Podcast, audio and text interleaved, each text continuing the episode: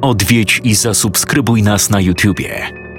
Bądź na bieżąco z nowymi filmami i słuchaj jeszcze więcej mrocznych historii. Mystery TV Więcej niż strach.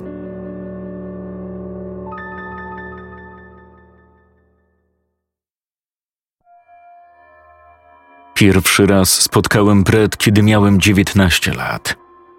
Zatrudniłem się jako ochroniarz przy okolicznych magazynach Dave'a.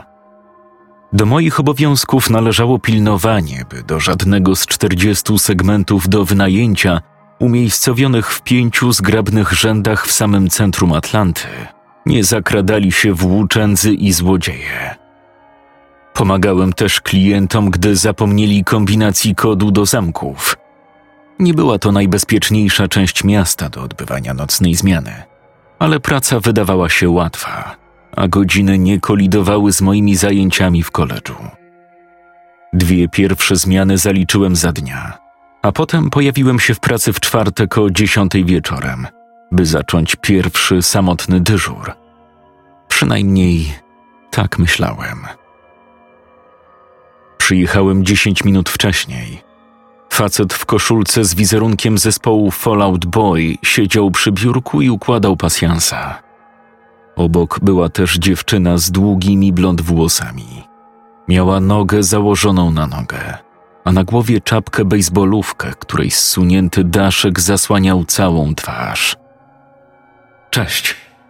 Jestem Jason, ten nowy. Odezwałem się, kiedy podniósł na mnie wzrok. Jestem Tom. Odpowiedział i zaczął pakować rzeczy do plecaka. Do tej pory był spokój. Powodzenia. Najgorsze wyłazi nocą. Dziewczyna podniosła daszek i wlepiła we mnie wzrok. Należała do rodzaju oszałamiających piękności, na których widok odejmowało mowę. Duże, zielone oczy, pełne usta, nieskazitelna cera. Zorientowałem się po chwili, że gapiłem się na nią, mamrocząc pod nosem niewyraźne cześć. Otworzyła oczy szerzej i skinęła głową na przywitanie. Tom popatrzył na mnie, unosząc brwi. Ta. No to klucze masz w najwyższej szufladzie tamtego kredensu, razem z listą wszystkich szyfrów do zamków. Nikomu ich nie dawaj, zanim nie przedstawią ci dwóch dokumentów potwierdzających tożsamość. Pamiętaj, żeby wtedy zrobić ksero. Wywalą cię raz dwa, jak tego nie dopilnujesz. I musi to być osoba, na którą jest podpisana umowa. Nie żadna dziewczyna, nie żoneczka. Jednego gościa mało nie wsadzili za kratki, bo wpuścił tu żonę jakiegoś typa, a ona wyniosła stąd jego całą kolekcję znaczków. Byli w samym środku rozwodu. To on ją wpuścił. Odezwała się dziewczyna, wskazując na Toma. Nie zwrócił na to uwagi i udał się w kierunku wyjścia. Na razie. Współczuję ci. Nocne zmiany są do kitu. Dziewczyna pokazała mu środkowy palec i zaśmiała się. Tom spojrzał na mnie wzrokiem, który ciężko było rozszyfrować, ale potem machnął ręką i zamknął za sobą drzwi.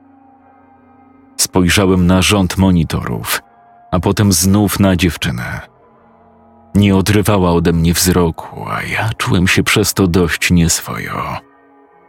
Jestem Jason. Powtórzyłem i od razu poczułem się jak idiota. Brett. Odpowiedziała i odchyliła się na krześle.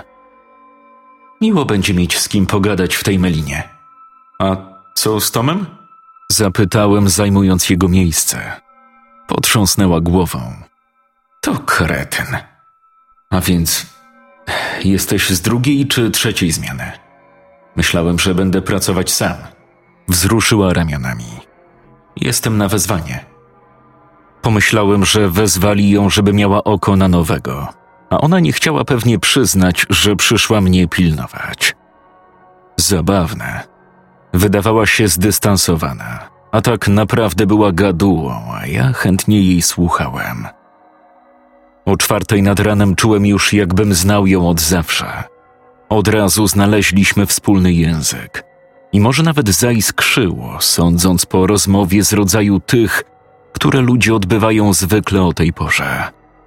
Przegadaliśmy wszystko, od dzieciństwa do polityki. Chyba już wtedy zacząłem się w niej zakochiwać. Zobaczyła, że się przeciągam i zapytała: Chcesz wyjść na chwilę? Możemy się przejść. Powiał chłodny wietrzyk, ale chyba nawet nie zauważyła. Kiedy tak szliśmy, nie mogłem przestać na nią zerkać. Wytarte dżinsy, znoszone buty, czarny t-shirt i kurtka moro. Miałem nawet w szafie podobny zestaw, ale na niej nawet coś tak codziennego wyglądało zjawiskowo. Przeszliśmy przez pierwszą alejkę magazynów i już wchodziliśmy do drugiej, kiedy nagle zatrzymała się i dotknęła czubkiem buta mlecza wyrastającego z pęknięcia w chodniku. To moje ulubione kwiaty. Przecież to chwasty, nieprawda? To życzenia. Nigdy ich nie zdmuchiwałeś, myśląc o życzeniu? Nawet jak są jeszcze żółte, są piękne. Żółty to mój ulubiony kolor.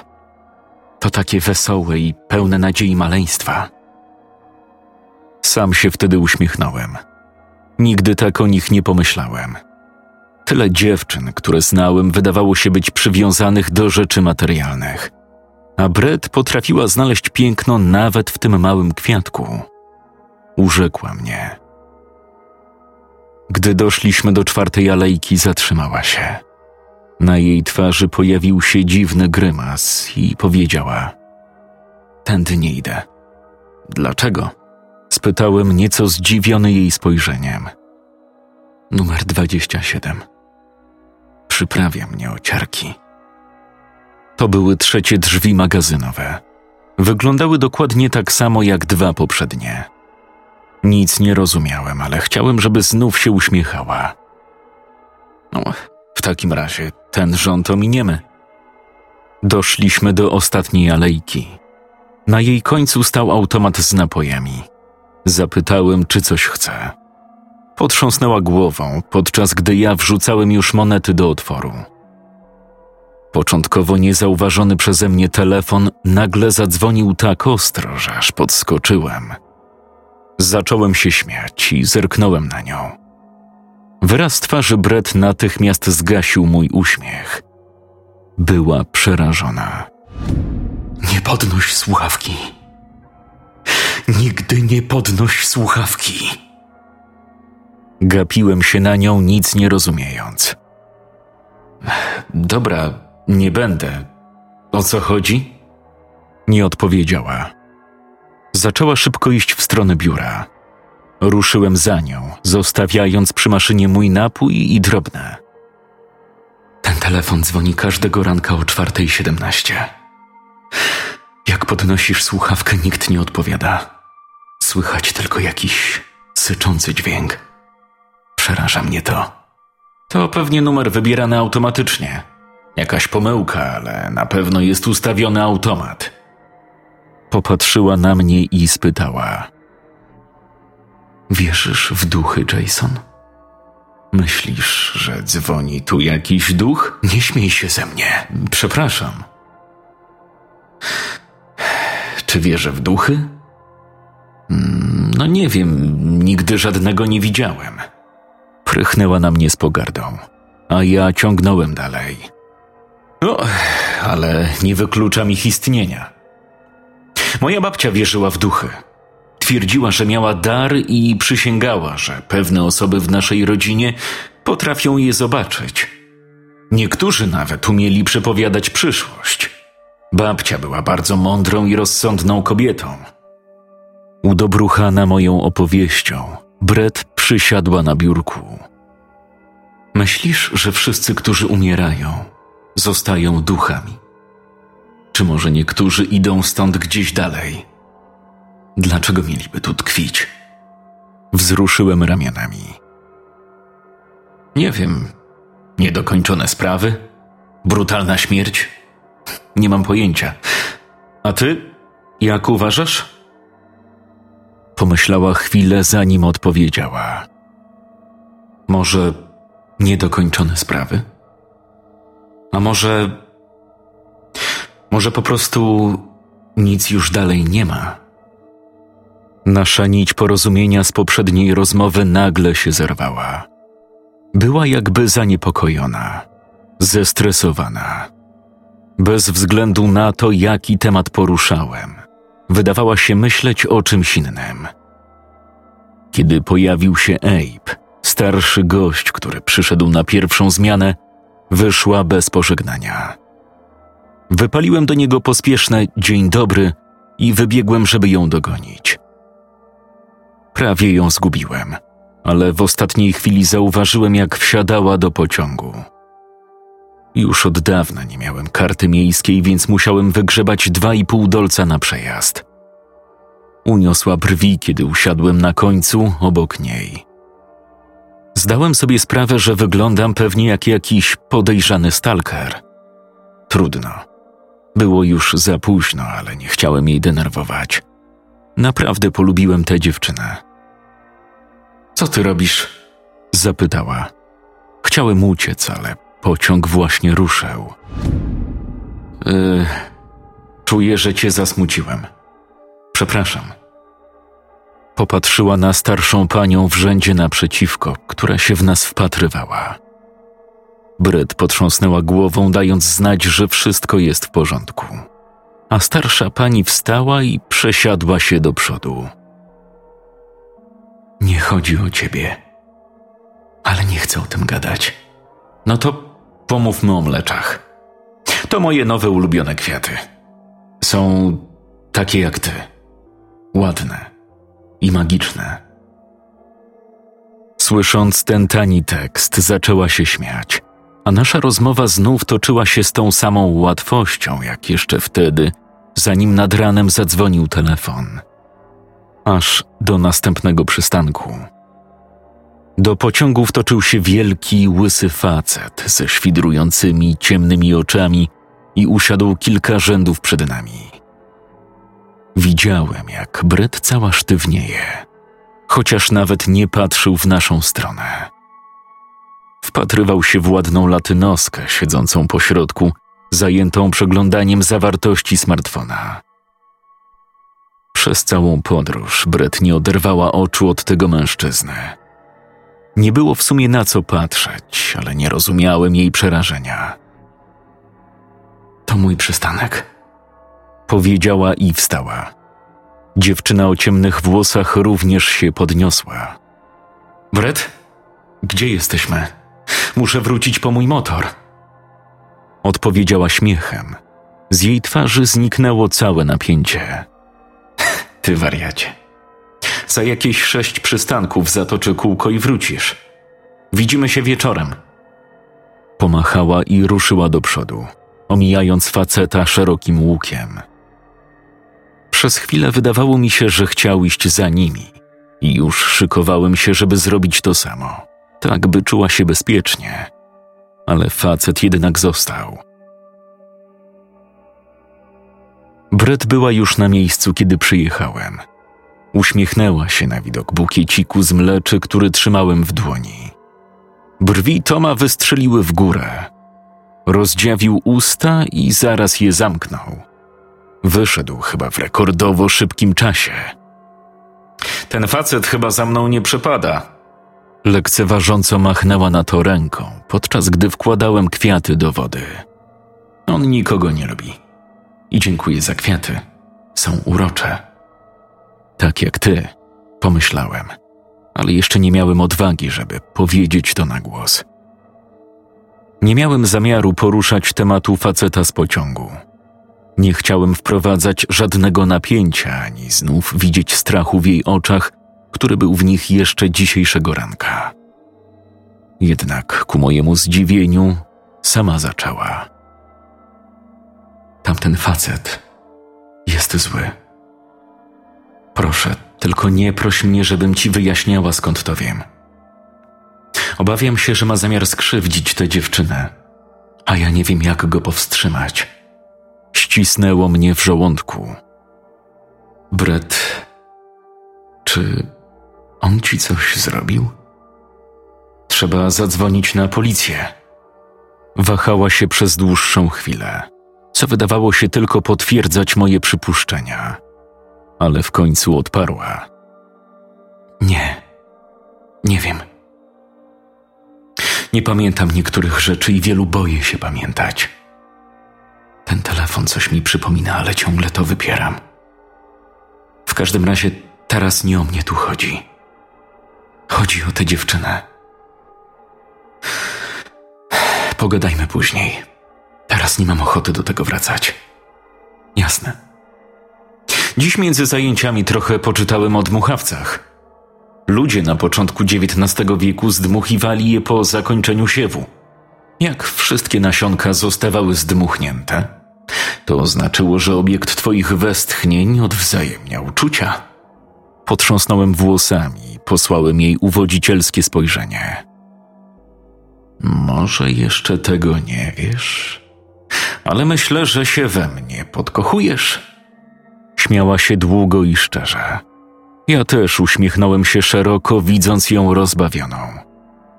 Potem jej twarz nagle posmutniała. Szkoda, że nie spotkałam cię wcześniej, Jason. A co teraz jest nie tak? Chyba nie jesteś mężatką. Nie. Ale nie jestem kimś, za kogo mnie uważasz.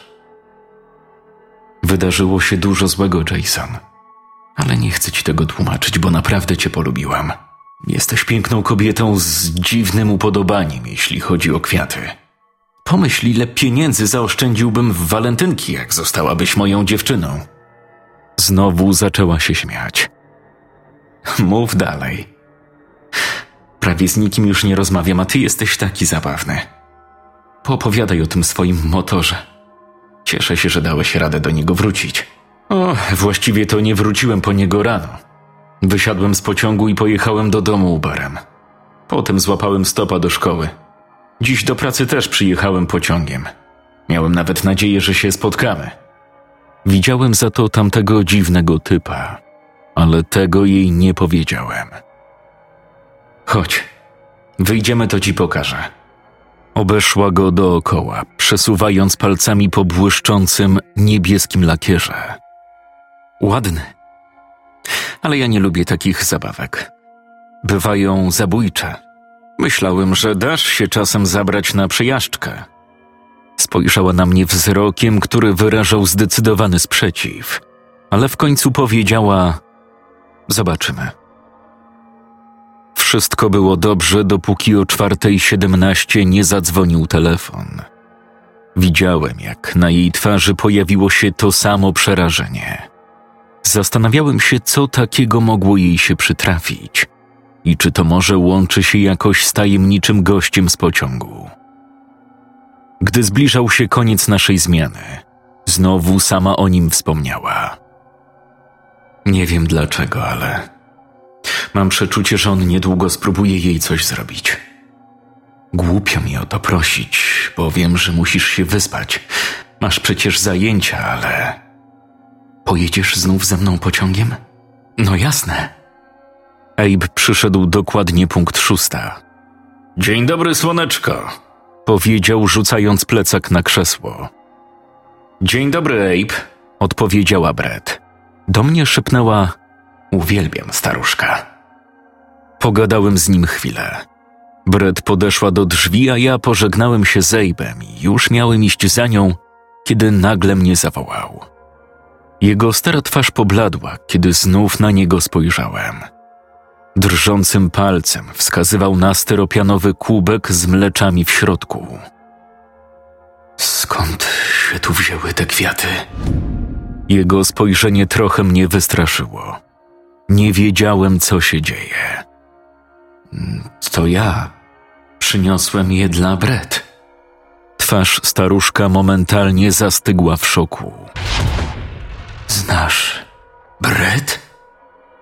Widziałeś ją? Co on? Zająknąłem się, spoglądając na nią. Błagalnie wyciągnęła ręce. Łzy spływały jej po policzkach. Pierwszy raz dostrzegłem, że ma na sobie te same ubrania co wczoraj. Wybacz, Jason. Nie wiedziałam, co powiedzieć. Jason! Abe krzyknął głośniej. Zapytałem, czy widziałeś Brett. Nie mogłem oderwać od niej wzroku. Najwyraźniej twoja babcia nie była jedyną, która miała dar. Powiedziała, wychodząc przez drzwi. Kiedy mówię przez drzwi, mam na myśli dosłownie. Przeniknęła przez drzwi. Przez metalowe, zamknięte drzwi. Nie mogłem się ruszyć. Nie mogłem nic powiedzieć. W końcu opadłem na jedno z krzeseł. Wiedziałem, że Abe coś mówi, ale słyszałem go jakby przez tunel. Minęła chyba cała wieczność, zanim znowu mogłem się na nim skupić. Cokolwiek bym mu nie powiedział, brzmiałoby nieprawdopodobnie, więc nie zadawałem sobie trudu, żeby owijać w bawełnę. A ty jej nie widziałeś, jak przyszedłeś? Potrząsnął głową, a jego zaczerwienione oczy zrobiły się jeszcze większe. Opowiedziałem mu o pracy z nią, o paru rzeczach, o których mi wspominała. Nawet o tym dzwoniącym telefonie. Kiedy skończyłem, tylko się na mnie gapił. Szczerze mówiąc, nie wiem, czy teraz mam ci wierzyć, czy od razu zadzwonić po glinę. Przytaknąłem. Przynajmniej był ze mną szczery. Nie wiem, co ja pomyślałbym na jego miejscu. Powiedziała, że byłeś gliną, zanim twoja żona zachorowała. Powiedziała, że to przez ciebie tak bardzo lubi dmuchawce. To ty opowiedziałeś jej, że twoja żona je uwielbiała i że udekorowałeś nimi jej salę szpitalną, zanim umarła. Brett mówiła, że to była najbardziej romantyczna historia, jaką kiedykolwiek słyszała. Abe ciężko rozsiadł się w swoim krześle. Rzeczywiście jej to opowiadałem. Mogę cię prosić, żebyś mi ją opisał? Opisałem ją. Od góry do dołu, aż do zdartych butów. Potem sięgnął do szuflady i wyjął jej zdjęcie. To była Brett, ale na ogłoszeniu o zaginięciu. W ubraniu opisanym jako ostatnie, jakie miała mieć na sobie. Dokładnie takie, w jakim ja ją widziałem. Zaginęła po swojej zmianie tutaj, sześć miesięcy temu. Przyszedłem. Drzwi do biura były otwarte na oścież. Przy telefonie było mnóstwo krwi, ale policja nie znalazła żadnych śladów. Wskazałem głową na rzędy monitorków. Jeden z nich pokazywał maszynę z napojami i telefon. A co z kamerami? Zainstalowano je później. Właśnie przez to zdarzenie. Jak zwykle, kurwa, za późno. Pochylił się do przodu i spojrzał na mnie przygnębionym wzrokiem. Kochałem tę małą. Była dla mnie jak córka. Sam też jej przynosiłem dmuchawce. Nigdy nie wierzyłem w duchy, ale zobaczyłem dzisiaj rano twoją twarz. Wierzę, że ją widziałeś. Albo jesteś jakimś czubkiem i tylko uważasz, że ją widziałeś. Ale w takim razie nie mam pojęcia, skąd wiedziałbyś o niektórych sprawach. Brett i ja pracowaliśmy przez dłuższy czas razem, dopóki nie zabrakło nam personelu i nie wcisnęli jej na nocne zmiany. Pewnie powiedziałaby mi coś o tobie, a historię o dmuchawcach opowiedziałem jej tuż przed zaginięciem. Równie dobrze mógłbyś być świrem, co ją porwał. Ale nie wydaje mi się. Raczej nie zwierzałaby się z takich wspomnień komuś, kto miałby zamiar ją skrzywdzić. Następnym razem, jak ją spotkasz, to zapytaj, ile kosztuje żona z ogłoszenia. Co? Poczułem się, jakbym nagle znalazł się w jakimś innym wymiarze. Nic tutaj nie miało sensu. Zastanawiałem się, czy to nie sen. Po prostu to zrób. A teraz idź do domu. Wyglądasz paskudnie. Dopiero kiedy jakoś dotarłem na parking, przypomniałem sobie o obietnicy pojechania z nią pociągiem. Pomyślałem o Brett i tamtej latynosce. Właściwie to olałem zajęcia i leżałem w łóżku cały dzień myśląc o nich. Kiedy wieczorem przyjechałem do pracy, zastałem samego Toma. Chociaż nadal czułem się nieco skołowany i przestraszony, to jednak miałem nadzieję, że Brett wciąż będzie tam siedzieć. Najwyraźniej Abe nie powiedział nic Tomowi. Ten traktował mnie tak samo lekceważąco jak zawsze. To dziwne, bo zdałem sobie sprawę, że on i Brett nigdy ze sobą nie rozmawiali. Nie mieli okazji się spotkać, a ja nie miałem o tym pojęcia. Do czwartej nad ranem prawie oszalałem, więc wyszedłem w końcu na przechadzkę między magazynami. Skręciłem za rogiem ostatniego i przeszedłem prosto przez Brett. Piszczałem jak mała dziewczynka. Ona trochę chichotała i zatykała sobie dłonią usta. Wybacz, Jason, jesteś prawdziwa? Oszalałem, prawda? Myślę, że jestem prawdziwa. Przynajmniej kiedyś byłem. Wiem, że może się wydawać, że kłamie, ale niewiele pamiętam. Wskazała głową na telefon. Pamiętam, że dzwonił ten telefon. Myślę, że użył go, żeby mnie wywabić z biura. Chciałam odebrać i wtedy czymś mnie uderzył. Tak mi się wydaje.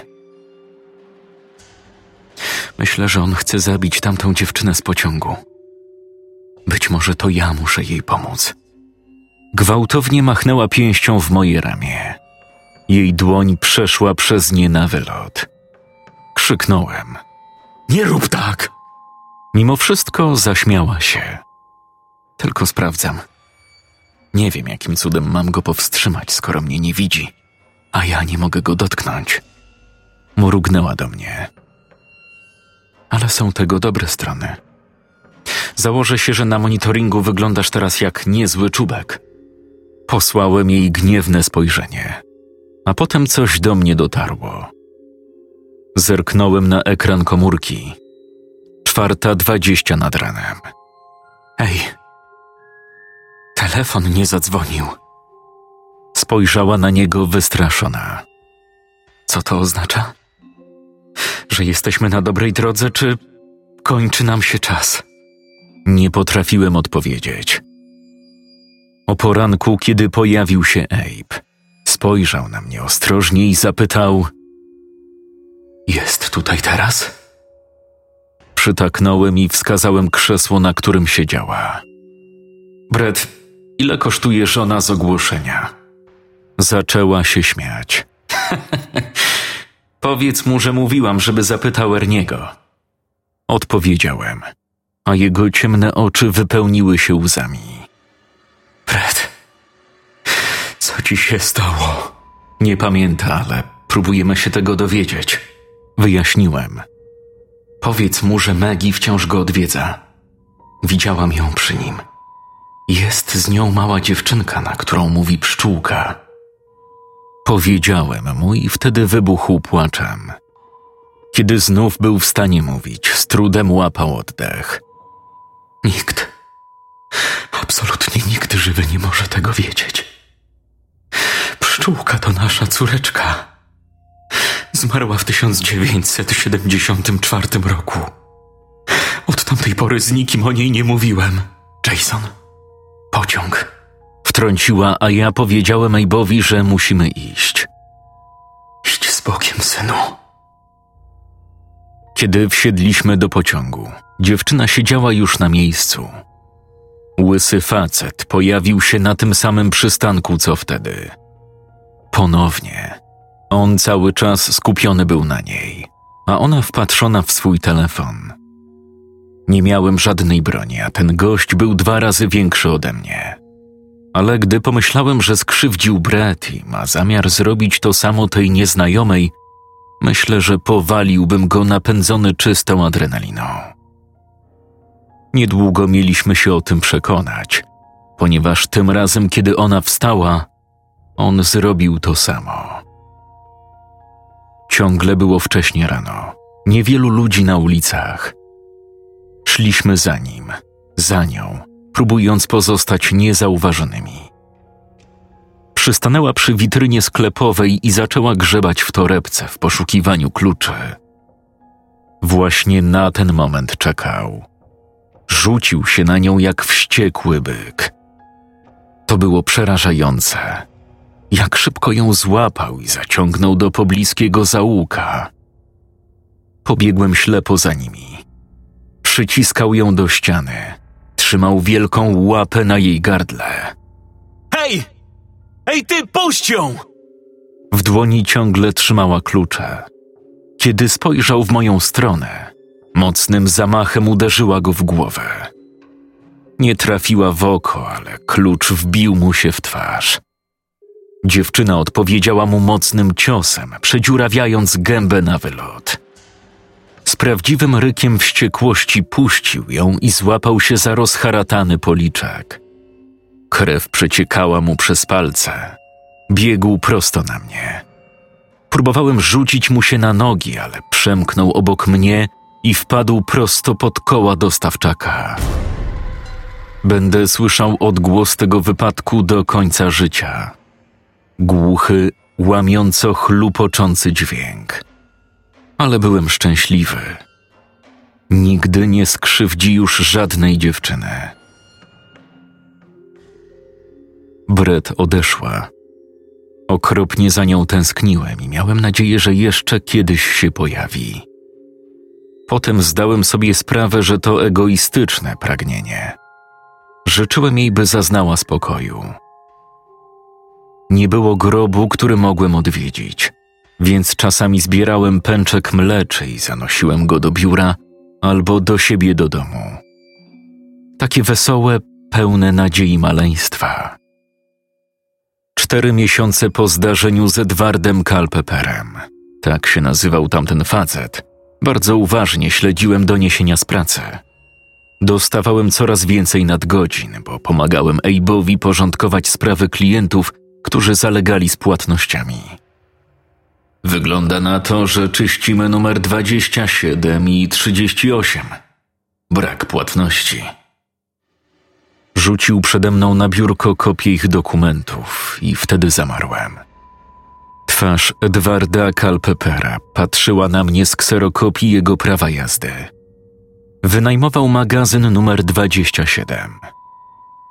Abe zauważył moją minę i zapytał: Jason, wszystko ok? To on. To facet, który zabił Brett. Nie wiem, czemu wcześniej nie przyszło mi to do głowy.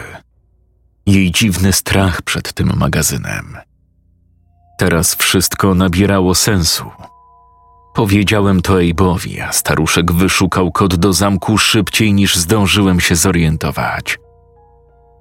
Zabrało nam chwilę, żeby rozejrzeć się we wnętrzu, bo wszędzie było pełno starych mebli i pudeł z gratami.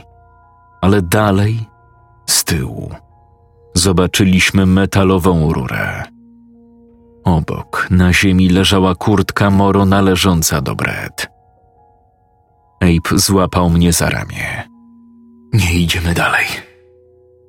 Dzwonimy po gliny, jasne? Pozwoliłem mu się wyprowadzić. Nie chciałem jej zobaczyć w tym stanie. Ciało Brett nareszcie spoczęło w pokoju. Za pozwoleniem jej matki i po poinformowaniu cmentarnego dozorcy, żeby przypadkiem nie unicestwił kwiatków, Abe i ja zabraliśmy się następnej wiosny za prace ogrodnicze na jej grobie. Został pokryty całym mnóstwem żółtych mleczy. Wyglądał pięknie i słonecznie, tak jak dziewczyna, którą upamiętniały. Chyba byłaby zadowolona. Minęło jakieś pięć lat. Skończyłem college. Dostałem poważną pracę. Parę razy się zakochałem i odkochałem. Ale nigdy nie przestałem o niej myśleć. Za każdym razem, gdy widziałem gdzieś dmuchawca, zrywałem go i zdmuchując myślałem życzenie. Gdy byłem w okolicy, odwiedzałem jej grób. Upewniałem się, że nadal rosną u niej nasze małe, wesołe podarunki. Pewnego dnia jechałem swoim motocyklem gdzieś w pobliżu Nashville, ciesząc się słonecznym letnim dniem. Myślę, że kierowca Chevroleta Camaro nie widział mnie w momencie, kiedy zmieniał pas, żeby wyprzedzić ciężarówkę. Wyleciałem w powietrze i upadłem plecami na ziemię, z łomotem gruchocących się kości. Leżałem tam, świadomy dźwięków i świateł, ale nie mogłem się ruszyć. Niczego nie czułem, oprócz ciepła słońca, które ogrzewało mi twarz. Byłem zdezorientowany, ale wydawało mi się, że upadłem na pasie zieleni oddzielającym pasy. Na pewno leżałem na trawie, bo kilka centymetrów od mojego nosa rósł okrągły, biały dmuchawiec. Ciemność zaczęła powoli narastać w moich oczach. Nie mogłem go zdmuchnąć, ale i tak pomyślałem życzenie. Potem straciłem przytomność. Kiedy ją odzyskałem, nadal nie mogłem się ruszyć, ale poczułem coś więcej. Poczułem, jak ktoś trąca mnie w bok. Spojrzałem w górę i zobaczyłem, jak Brett dotyka mnie czubkiem buta. Zamierzasz tu tak leżeć cały dzień? Ku mojemu zdziwieniu udało mi się ją chwycić, nie przeszła mnie na wylot. Jej ciało było mocne, prawdziwe. Zastanawiałem się, czy nie jestem w szpitalu, czy nie jest to jakieś delirium wywołane znieczuleniem. Ale słońce było prawdziwe. Czułem wyraźnie zapach spalonej gumy. Podniosłem się z jej pomocą i stałem tak przez chwilę, chwiejąc się. Kilkanaście metrów dalej zobaczyłem swój rozbity motocykl. Ach, chyba nie powinienem się za bardzo ruszać, zanim nie pojawią się ratownicy. Skrzywiła się. No właśnie, jeśli o to chodzi, wskazała na ziemię tuż za mną. To było surrealistyczne doświadczenie. Widzieć tam swoje leżące, zmasakrowane ciało, patrzące bez wyrazu w niebo. Ach, ała. Mówiłam, że ta maszyna cię kiedyś zabije. No to co teraz? Mamy iść w stronę światła, czy jak? Jesteś taki spokojny. Lubię to w tobie. Jeśli jest coś, w stronę czego mamy podążać, to jeszcze tego nie znalazłam. Może jesteśmy tylko my? Może to moje życzenie. Powiedziałem, na co ona uniosła brew. Pomyślałem życzenie na moment, zanim odpłynąłem. Nieważne. Ach tak? To dlatego tu jestem? Jakie to było życzenie? Tylko jedno, które powtarzałem już chyba z tysiąc razy. Kiepsko idzie ci odpowiadanie na duchowe przekazy. Złapałem ją za ręce i odwróciłem przodem do siebie. Wybacz, ciągle jeszcze się tego uczę. Żółtodziób z ciebie. Ale powiedz w końcu, czego chciałeś. Tego, co za każdym razem. Żebym mógł znowu cię zobaczyć. I zrobić to. Pocałowałem ją. Nie wiem, ile czasu tak staliśmy, całując się i obejmując, kiedy nagle usłyszałem syreny i dźwięk nadjeżdżających pojazdów po drugiej stronie. Końcu zaczęliśmy iść. Nie wiedziałem dokąd. Nie obchodziło mnie to. Wiedziałem tylko tyle, że jestem z nią. A więc, kim jest Erni i o co chodzi z tymi żonami z ogłoszenia?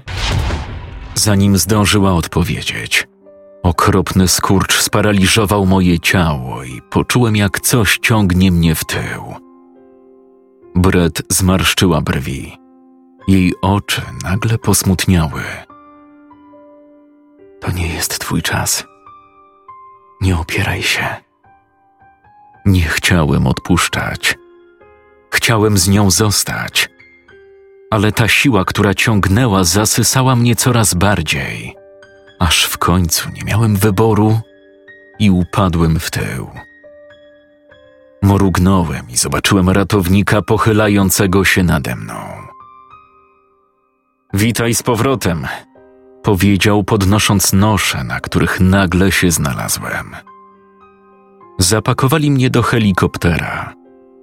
Zauważyłem Brett stojącą przy jego ramieniu. W ręku trzymała dmuchawiec. W porządku, Jason. Na niektóre rzeczy warto zaczekać.